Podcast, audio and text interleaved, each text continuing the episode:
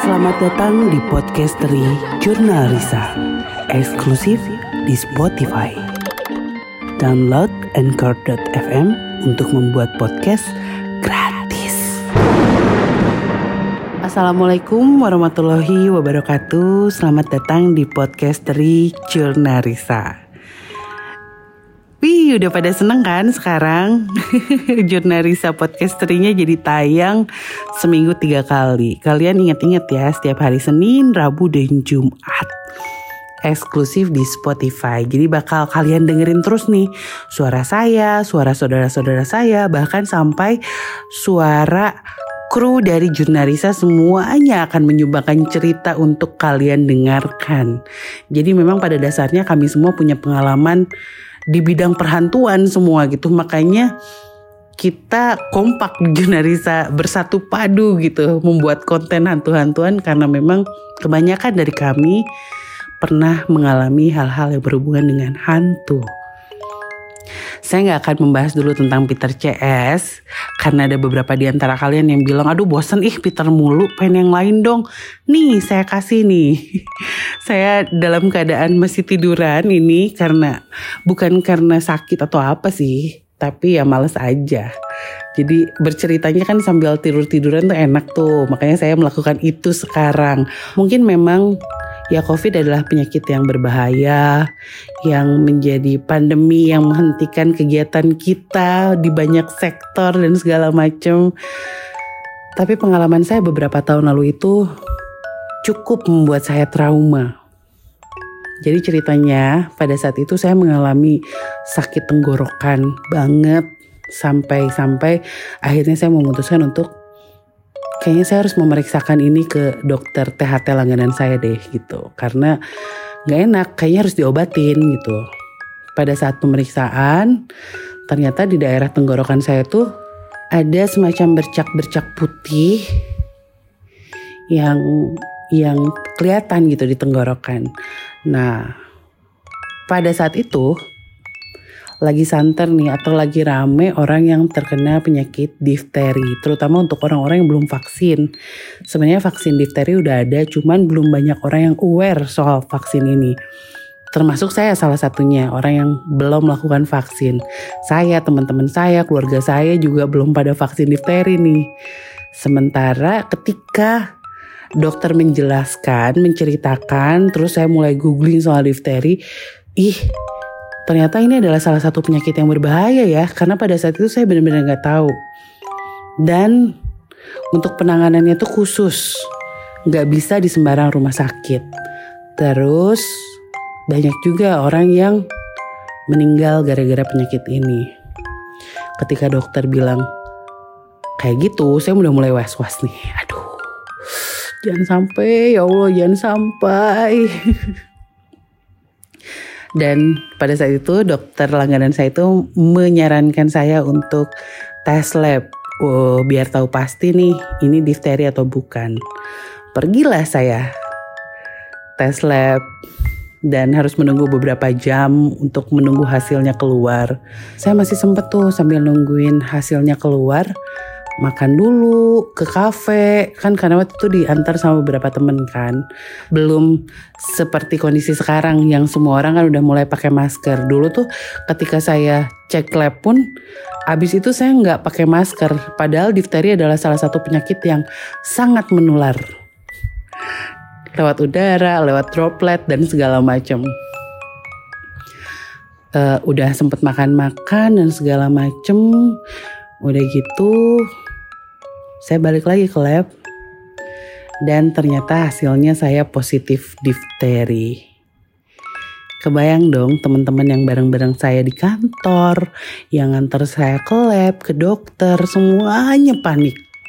Apalagi sebelumnya tuh saya udah syuting jurnalisa. Jadi memang keadaannya udah udah bareng jurnalisa cuman awal-awal lah yang masih sendirian. Nah, udah gitu, wah panik nih langsung saya mencari rumah sakit yang saya maunya di rumah sakit salah satu rumah sakit swasta yang ya saya sering lah ke situ. Jadinya saya pengen di situ saya ke situ ke UGD begitu tahu diagnosa dari lab difteri saya ditolak.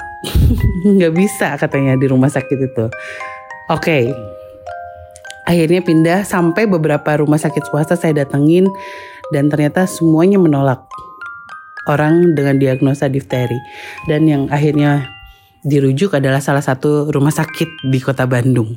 Saya nggak akan sebutin di mana tapi yang pasti akhirnya saya tahu bahwa ternyata seserius ini nih penyakit difteri itu. Karena saya merasakan uh, beberapa penolakan dari rumah sakit-rumah sakit yang artinya ya butuh penanganan khusus ruangan khusus dan nggak bisa disatukan dengan pasien-pasien umum lainnya. Waktu itu inget banget saya malam karena nyari-nyari rumah sakit nggak dapet akhirnya saya pergi ke rumah sakit rujukan itu malam-malam jam sekitar jam 9 malam itu dapat hasil labnya tuh maghrib. Jam 9 malam akhirnya saya pergi ke rumah sakit rujukan dan saya bener-bener ngerasa fit. Saya masih bisa jalan nggak yang repot dan memang tenggorokan saya sakit tapi ya nggak nggak ngerasa lemes atau gimana gitu biasa aja. Hanya sakit tenggorokan. Saya ternyata pada saat masuk ke rumah sakit yang dirujuk itu saya udah dihampiri oleh beberapa orang dokter, suster. Nah, saya tuh langsung ditidurkan di sebuah ranjang di infus yang didorong itu di UGD. Tapi yang bikin saya aneh adalah saya dimasukkan ke sebuah ruangan kaca jadi saya nggak nyatu sama pasien-pasien UGD lainnya. Saya udah mulai bertanya-tanya nih. Aduh ini kenapa ya? Kok saya dipisahin sih dari pasien lainnya? Wah ternyata emang benar-benar berbahaya kali ya penyakit ini. Wah udah mulai parno. Apalagi ketika saya buka WhatsApp saudara-saudara saya banyak yang menginfokan tentang betapa berbahayanya penyakit ini. Gila mana belum vaksin pula kan. Jadi lebih beresiko untuk mengalami hal yang serius dengan penyakit ini. Dari situ mulai drop, lemes. Tapi ya udahlah. Dari jam 9 saya nunggu. Saya mau diapain nih? Ternyata katanya nunggu ruangan. Oke. Okay. Uh, eh, saya udah minta sama orang tua saya mah tolong aku mau di ruangan yang enak ya yang ada TV-nya yang gak serem yang yang VIP lah gitu karena saya kan ngerasa kalau saya kurang nyaman sebenarnya kalau di rumah sakit karena sering melihat yang enggak-enggak dan saya nggak mau itu terjadi gitu. Terus tiba-tiba mama saya dari telepon karena mereka nggak boleh masuk ke ruangan saya. Ternyata nggak bisa kamu milih ruangan karena sudah disediakan ruangan khusus untuk pasien difteri katanya gitu. Ah, ruangan khusus. Ruangan kayak gimana ya? Saya ngebayangnya kaca kayak gini kan gitu tertutup. Oke okay lah. Masih ada pencahayaan yang oke. Okay. Saya masih bisa lihat orang lalu lalang gitu kan. Ada pasien di sebelah juga ya kelihatan gitu. Tapi ternyata bayangan itu salah pukul 11 malam akhirnya ada beberapa suster yang menghampiri itu udah full APD, masker dan lain-lain. Agak aneh gitu. Saya kan kalau sekarang ya oke okay lah udah terbiasa dengan uh, para tenaga medis yang melayani pasien COVID dengan full APD dan lain-lain kan udah udah bukan pemandangan yang nggak biasa. Nah pada saat itu buat saya agak heran nih, wah ini emang segitunya ya gitu jadi saya belum belum benar-benar ngeh sebenarnya penyakit apa ini gitu akhirnya saya dibawa agak jauh dari lorong demi lorong hingga masuk ke sebuah gedung yang agak terpisah dari gedung lainnya. Ini kayaknya sih gedung yang paling jadul deh. Karena kalau dilihat-lihat sih ya bangunan lain di rumah sakit ini tuh udah modern, udah lebih terang. Nah yang ini tuh agak remang gitu dan dan ya tua, lantainya juga kelihatan kayak tegel zaman Belanda gitu. Terus si lorongnya juga bentuknya ya gitu. Dan yang pasti itu sepi pengunjung. Jika gedung-gedung lain kan banyak orang yang nungguin pasien, ada keluarga yang hilir mudik. Nah, di tempat saya ditempatkan itu, saya nggak ngeliat itu, sepi banget. Saya cuma ngeliat ada dua orang suster di awal masuk ke dalam bangsal. Jadi dia hanya duduk kayak di pos gitu dan menganggukkan kepala ketika petugas lain mengantarkan saya ke sebuah ruangan. Saya waktu itu dapat ruangan yang paling ujung, pojok, tapi untungnya menghadap ke jalan. Jadi saya masih bisa dengar suara kendaraan yang lewat gitu. Karena memang berbatasan dengan jalan besar, jalan utama. Ah, oke, okay, agak tenang nih. Saya pikir kan ruangan paling pojok tuh yang yang paling terkucilkan lah daripada ruangan-ruangan lainnya, tapi ternyata enggak karena berbatasan langsung dengan jalan. Masuk ke dalam ruangan itu, saya lihat ada enam ranjang di situ saling berhadapan tiga sama tiga gitu. Ada enam total. Ada kamar mandi di pojok kiri. Dan pada saat masuk ke ruangan itu saya langsung nanya, eh cuman saya sus pasiennya di sini dan suster itu bilang, oh iya untuk penanganan difteri hanya satu pasien untuk satu ruangan. Aduh langsung gak enak nih. Gak enak hati banget rasanya. Terus saya bilang, hmm, gak terlalu besar sus ruangannya. Uh, enggak, karena ini memang uh, ruangan isolasi katanya gitu oh saya diisolasi sus Iya, karena mbaknya kena difteri jadi harus diisolasi, nggak bisa bersatu dengan pasien lain. Bahkan sesama pasien yang difteri pun nggak bisa dalam satu ruangan yang sama kata gitu. Oh oke. Okay. Tapi beruntung pada saat itu uh, kita diperbolehkan untuk dijaga oleh seorang anggota keluarga gitu. Cuman memang harus wajib memakai masker, wajib fit orangnya. Jadi pada saat itu boleh ditungguin dan pada saat itu yang menunggu adalah asisten rumah tangga yang udah lama banget bareng sama saya. Jadi dia tahu lah apa yang saya butuhkan. Kalau saya butuh sesuatu dia pasti mintanya gampang ke dia. Cuman dia harus memilih salah satu ranjang yang agak jauh dari saya. Jadi misalkan saya ranjang satu, dia harus tidur di ranjang enam gitu. Jadi memang ada jarak, nggak boleh deket-deketan. Ya udahlah, nggak apa-apa lah. Yang penting nggak terlalu sendiri. Kalian bisa bayangin kan, kalau misalkan saya harus sendirian di situ, kayak gimana repotnya saya, apalagi ketika malam hari. Nah, hari pertama kok udah nggak enak hati ya. Nggak tahu ya, saya udah mencoba untuk tidur karena memang diinfus, dikasih obat-obatan yang sebenarnya obat-obatan itu bikin saya jadi lemes. Dan belum lagi perasaan was-was dan takut ya karena saya baru tahu nih seberbahaya itu penyakit difteri gitu. Dan penanganannya ini sangat serius. Jadi agak shock dan itu bikin drop banget sebenarnya. Lemes banget aduh, aduh tapi nggak boleh lemas nggak boleh lemas nggak boleh takut nggak boleh jadi drop. Soalnya ya saya tahu banget. Kalau udah drop lemes saya nggak akan bisa kontrol apa yang ingin saya lihat dan apa yang nggak pengen saya lihat. Saya takut banyak lihat yang aneh-aneh. Nggak nggak. Harus fit harus kuat. Harus fit harus kuat. Tidur tidur tidur. Itu waktu udah menunjukkan sekitar pukul setengah satu malam ketika akhirnya saya udah udah ditinggalkan sama suster yang yang anterin saya ke situ. Dan asisten rumah tangga saya juga udah memilih salah satu tempat tidur di keranjang nomor 6 aduh entah kenapa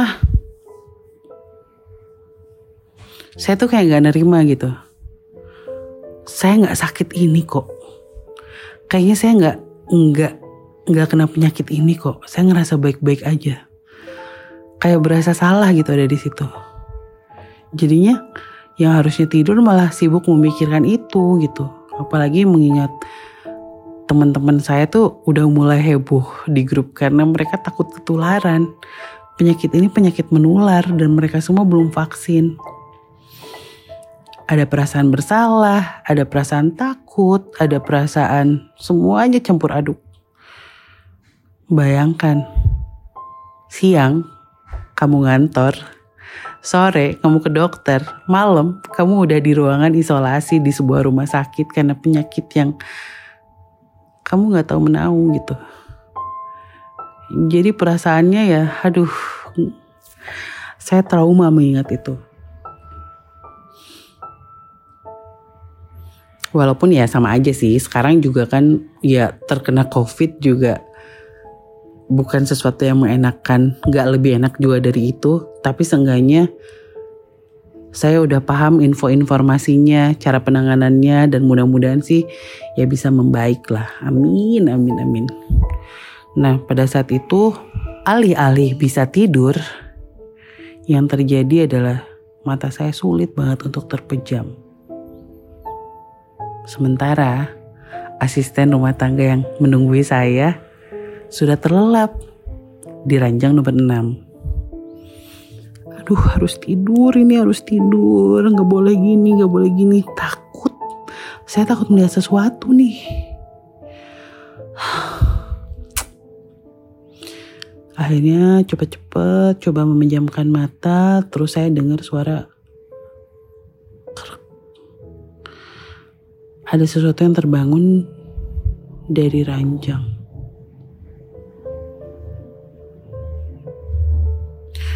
udah suzon aja kan kepala ini. Aduh jangan-jangan hantu jangan-jangan hantu. Eh ternyata asisten rumah tangga yang nemenin saya bangun dan dia mau ke kamar mandi. Oke. Okay. wah kirain siapa? Ternyata si teteh. Ya udah. Pada saat dia keluar dari kamar mandi setelah menuntaskan uh, pekerjaannya di kamar mandi Terus saya nanya, teh bisa tidur? Bisa neng, kata gitu. Oh, tidur neng istirahat, nanti bisa tambah sakit kata gitu. Iya iya iya, ya udah. Teteh nggak apa-apa tidur di pojok sana. Jadi ranjang 6 tuh ranjang paling pojok gitu, deket dengan jendela. Enggak nggak apa-apa, enak kendak kata gitu, enak kok kata gitu. Terus ya udah. Begitu dia mau ke tempat tidur, tiba-tiba saya nggak tahu. Jadi kalau misalkan kalian lagi lihat ke depan tapi ujung mata kalian tuh kayak melihat sesuatu gitu yang berbeda. Di sebelah kiri kayak ada seseorang di situ gitu. Mau gak mau langsung otomatis set lihat ke set gitu. Mata kita tuh langsung refleks ngelihat ke arah itu.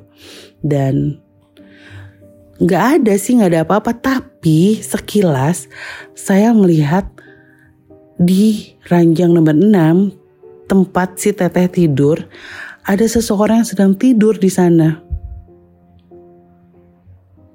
Kayak orang tidur pakai selimut, badannya kurus, rambutnya sebahu gitu. Dan ngadep ke arah tembok, jadi saya nggak lihat mukanya saya cuma lihat rambut, badan yang diselimuti oleh selimut rumah sakit dan kayak menggigil gitu. Tapi setelah saya lihat-lihat jelas lagi, aduh saya kocok-kocok mata, saya lihat lagi nggak ada apa-apa. Dan dengan cueknya ya si teteh ya tidur aja gitu langsung blok aja di situ. Aduh, tuh kan kalau udah mikir aneh-aneh macem-macem jadinya malah ngelihat yang enggak-enggak. Jadi ya mungkin aja yang saya lihat itu ya apa yang ada di dalam kepala saya aja gitu. Seolah-olah memang jadinya segala sesuatu yang ada di ruangan itu tuh jadi menakutkan karena pikiran saya. Saya mikirnya ke situ, ah, udahlah. Udah, udah, udah, udah, tidur, tidur, tidur, tidur. akhirnya saya berhasil melewati malam itu dengan baik sampai akhirnya pagi-pagi saya dibangunkan suster untuk suntik segala macam obat, minum segala macam obat, sarapan. Sarapan pun dikasih oleh rumah sakit dan yang pasti beberapa jam sekali saya pasti diambil darah untuk memastikan seberapa jauh penyakit difteri yang ada di tubuh saya. Kalau nggak salah beberapa jam sekali ya empat jam atau berapa jam yang pasti tidak hanya satu kali dalam satu hari itu. Tadinya yang badan saya ngerasa biasa-biasa aja jadi jadi ngerasa nggak biasa karena obat-obatan yang saya makan kan. Aduh ini antibiotiknya banyak banget dosisnya tinggi. Jadi jadi nggak enak gitu perutnya tuh jadi aduh kayak kebakar. Iya saya ngerasanya gitu. Karena obat-obatan dengan dosis tinggi itu jadi ngerasa nggak enak badannya. Padahal mungkin tujuannya untuk membunuh virus yang ada di tubuh saya kan? Ya udahlah paksain aja yang penting sembuh yang penting sembuh yang penting sembuh. Entah kenapa saya tetap yakin kalau saya sebenarnya nggak sakit. Makanya saya berkali-kali nelfon keluarga saya nelfon bapak mama. Mah bisa gak sih dipastiin saya tuh emang terjangkit atau enggak kok feeling saya tuh kayaknya saya nggak sakit ya gitu terus mama mungkin menyampaikan sama dokter dan suster yang ada di situ gitu dan mama bilang e, iya makanya setiap saat kamu dites untuk memastikan seberapa jauh virusnya udah berdampak di badan kamu katanya gitu. Nanti juga ketahuan kok hasil labnya. Oke, okay, ya udah deh. Saya masih berharap banget bahwa diagnosa lab itu salah gitu. Saya masih berharap kalau ya saya nggak kenapa-napa dan boleh pulang. Mungkin bukan karena penyakit yang saya derita ya, tapi lebih ke saya tidak nyaman ada di sini. Walaupun mungkin itu dalam pikiran aja tapi saya saya kayak nggak siap membayangkan gimana ya nanti malam apakah akan terjadi sesuatu lagi yang lebih mengerikan dari malam sebelumnya? Aduh takut banget rasanya melihat sesuatu yang nggak pengen saya lihat. Ya walaupun malam sebelumnya saya berhasil tidur bangun pagi-pagi dalam keadaan baik. Saya deg-degan banget membayangkan malam-malam selanjutnya tuh akan seperti apa. Seharian itu berdoa terus makan banyak meminum semua obat dan saya berdoa terus. Kalau ya Allah semoga aja diagnosanya salah semoga aja saya baik-baik aja semoga aja saya nggak kena difteri. Walaupun dalam keadaan sedang isolasi di ruang isolasi tapi saya masih berharap ada keajaiban dari Tuhan. Ah pasti pasti bisa pasti bisa pasti bisa. Walaupun kan kecil kemungkinannya tiba-tiba salah diagnosa gitu tapi saya berharap banget itu terjadi. Ya udahlah. Banyak waktu luang kan selama di rumah sakit menunggu suster datang mengantarkan obat makanan ganti infusan dan lain-lain. Saya jadi jadi banyak googling soal penyakit saya ini. tahu beberapa fakta di mana ternyata banyak yang menjadi korban dari penyakit ini gitu. Banyak yang nggak bisa bertahan. Banyak yang telat info soal vaksin difteri ini dan lain-lain. Dan saya termasuk salah satu yang menyesali kenapa ya saya nggak menganggap ini penting sebelumnya? Dan kenapa saya harus merasakan juga? Ketika saya harus tahu tuh ketika saya terdiagnosa penyakit itu gitu. Itu yang itu yang mengganggu pikiran gitu. Sampai akhirnya ya saya tahu bahwa oh banyak yang nggak bisa bertahan karena penyakit ini. Berarti di tempat ini juga banyak yang nggak bisa bertahan ya. Jangan-jangan apa ada yang pernah meninggal di ruangan ini ya? Mungkin karena kondisi fisik yang semakin was-was, lemah, pikiran jadi ke mana-mana dan saya berpikir bahwa jangan-jangan ada yang pernah meninggal di ruangan ini karena penyakit ini. Tapi udahlah gitu. Saya mencoba menghalau, udah cari kesenangan, baca komik. Pada saat itu saya bekal komik yang banyak, saya makan banyak dan saya masih berharap pada keajaiban Tuhan. Dan gila nggak? Ya Allah, itu sih walaupun ini sangat mustahil gitu ya tapi nggak ada yang mustahil buat Allah gitu. Karena selepas maghrib di hari kedua saya di ruang isolasi tiba-tiba dokter seorang dokter dan suster datang ke tempat saya dan bilang e, Bu Risa boleh pulang malam ini? Hah? Kenapa? Udah ngarep pulang tapi ketika disuruh pulang saya nanya ya kenapa? Dan dokter itu menjawab ternyata setelah melakukan pemeriksaan beberapa kali ternyata Bu Risa tidak terkena penyakit difteri katanya. Alhamdulillah ya Allah. Itu malam itu juga uh, sebenarnya dokter menyarankan ya kalau misalkan ini udah kemalaman boleh kok. Kalau mau besoknya pulang nggak apa-apa. Nginep aja lagi semalam di sini. Tapi pada saat itu saya bilang ah, enggak dok. Saya mau pulang sekarang aja. Malam ini juga saya mau pulang dianya ketawa-ketawa aja gitu termasuk susternya. Ya udah kalau mau pulang pulang aja nggak apa-apa. Dan pada saat itu saya langsung nelpon orang rumah keluarga saya boleh pulang. Ternyata saya nggak kena difteri gitu salah diagnosa. Dan dan beres-beres cepat kilat saking pengennya saya pulang itu beres-beres semua cepet-cepet cepet-cepet cepet dan masih nggak percaya gitu. Hah ternyata ada ya keajaiban itu ya. Doa itu bener ya. Ketika kita benar-benar berdoa ya diijabah gitu. Dan ya udahlah akhirnya eh, saya bisa pulang saya bisa pulang gitu. Nah udah beres semuanya. Saya udah dijemput. Penjemputnya di luar ya. Jadi yang untung ada asisten rumah tangga saya si teteh yang bantuin bawa barang-barang dan lain-lain. Kita kita cepet-cepet banget pada saat itu. Selepas suster melepas infusan itu langsung packing dan segala macam. Nah sebelum pulang saya ngeliat dulu ruangan. Sempet-sempetnya ya padahal saya tuh takut kan. Cuman saya berkeliling dulu lihat. Aduh ini pengalaman yang tidak mengenakan tapi ya udahlah saya mungkin harus mengalaminya ya. Biar saya lebih aware sama yang namanya jaga kesehatan gitu. Terus ketika saya melangkah keluar dari kamar itu, tiba-tiba tangan saya kayak ada yang narik dari belakang. Tangan sebelah kanan saya, kalau orang jalan kan ngayun kan tangannya. Tiba-tiba kaku, diem, ada yang megangin dari belakang.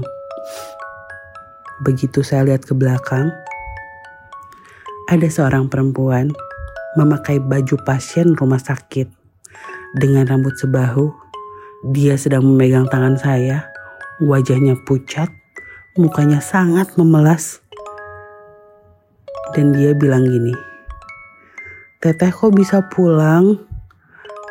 Saya kapan boleh pulangnya teh?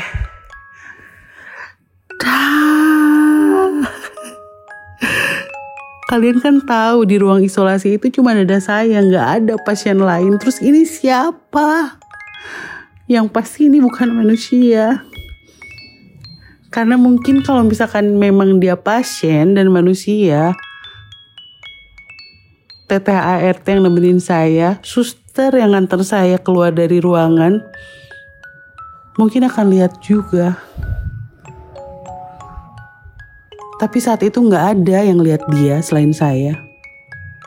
Itu saya mematung diem lama sampai akhirnya astagfirullah. Habis itu saya lihat lagi udah nggak ada, tangannya udah bisa gerak lagi.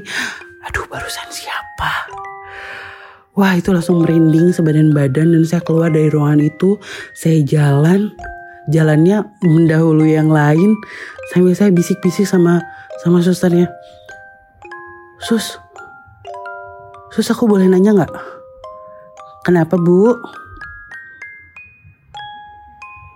uh, ada yang pernah meninggal di ruangan itu.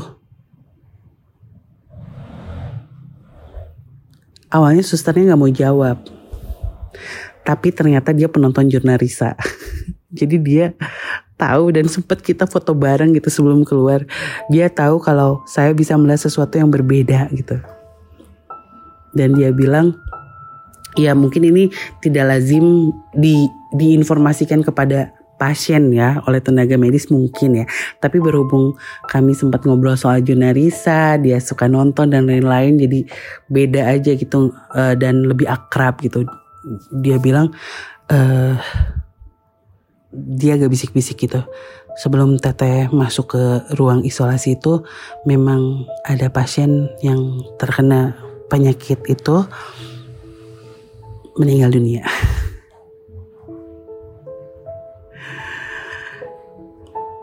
Perempuan masih SMA dari luar kota katanya gitu. Dan meninggal sekitar pukul 11 malam setengah 11 sampai jam 11 malam jadi saya ternyata nunggu lama di UGD pada saat itu sampai 2 jam itu karena menunggu proses dia keluar atau dikeluarkan dari ruangan itu. Wah gila. uh, itu salah satu pengalaman yang masih bikin saya trauma sih dan berkali-kali kalau lewat rumah sakit itu saya lihat lihat sampai akhirnya gedung itu udah nggak ada dirobohkan karena memang itu gedung yang pada saat itu akan direnovasi lebih tepatnya dirobohkan tapi berhubung penyakit itu uh, rame banyak orang yang terkena jadi sebelum direnovasi digunakan dulu sebagai ruang isolasi. Jadi sekarang saya udah nggak bisa lihat gedung itu lagi. Cuman ketika lewat saya lihat ke situ, aduh langsung kebayang. Dan kalian tahu nggak? Saya dan si teteh ART yang nemenin saya di rumah sakit itu di ruang isolasi itu ketika pulang ke rumah baru menyadari bahwa di tangan kami ada bekas apa ya kayak berwarna biru tapi membentuk tangan. Jadi beneran yang tadi saya bilang saya dipegang tangan saya atau ditarik ke belakang itu tuh berbekas warnanya biru dan ternyata itu ada juga di badannya si teteh ART yang nemenin saya dan saya di situ berkesimpulan bahwa mungkin yang tadi malam saya lihat juga mungkin bukan bukan cuman imajinasi saya, mungkin dia ya. Uh, mungkin dia yang dirawat di ruangan itu dan tidur di ranjang nomor 6 yang kebetulan ditiduri oleh si teteh.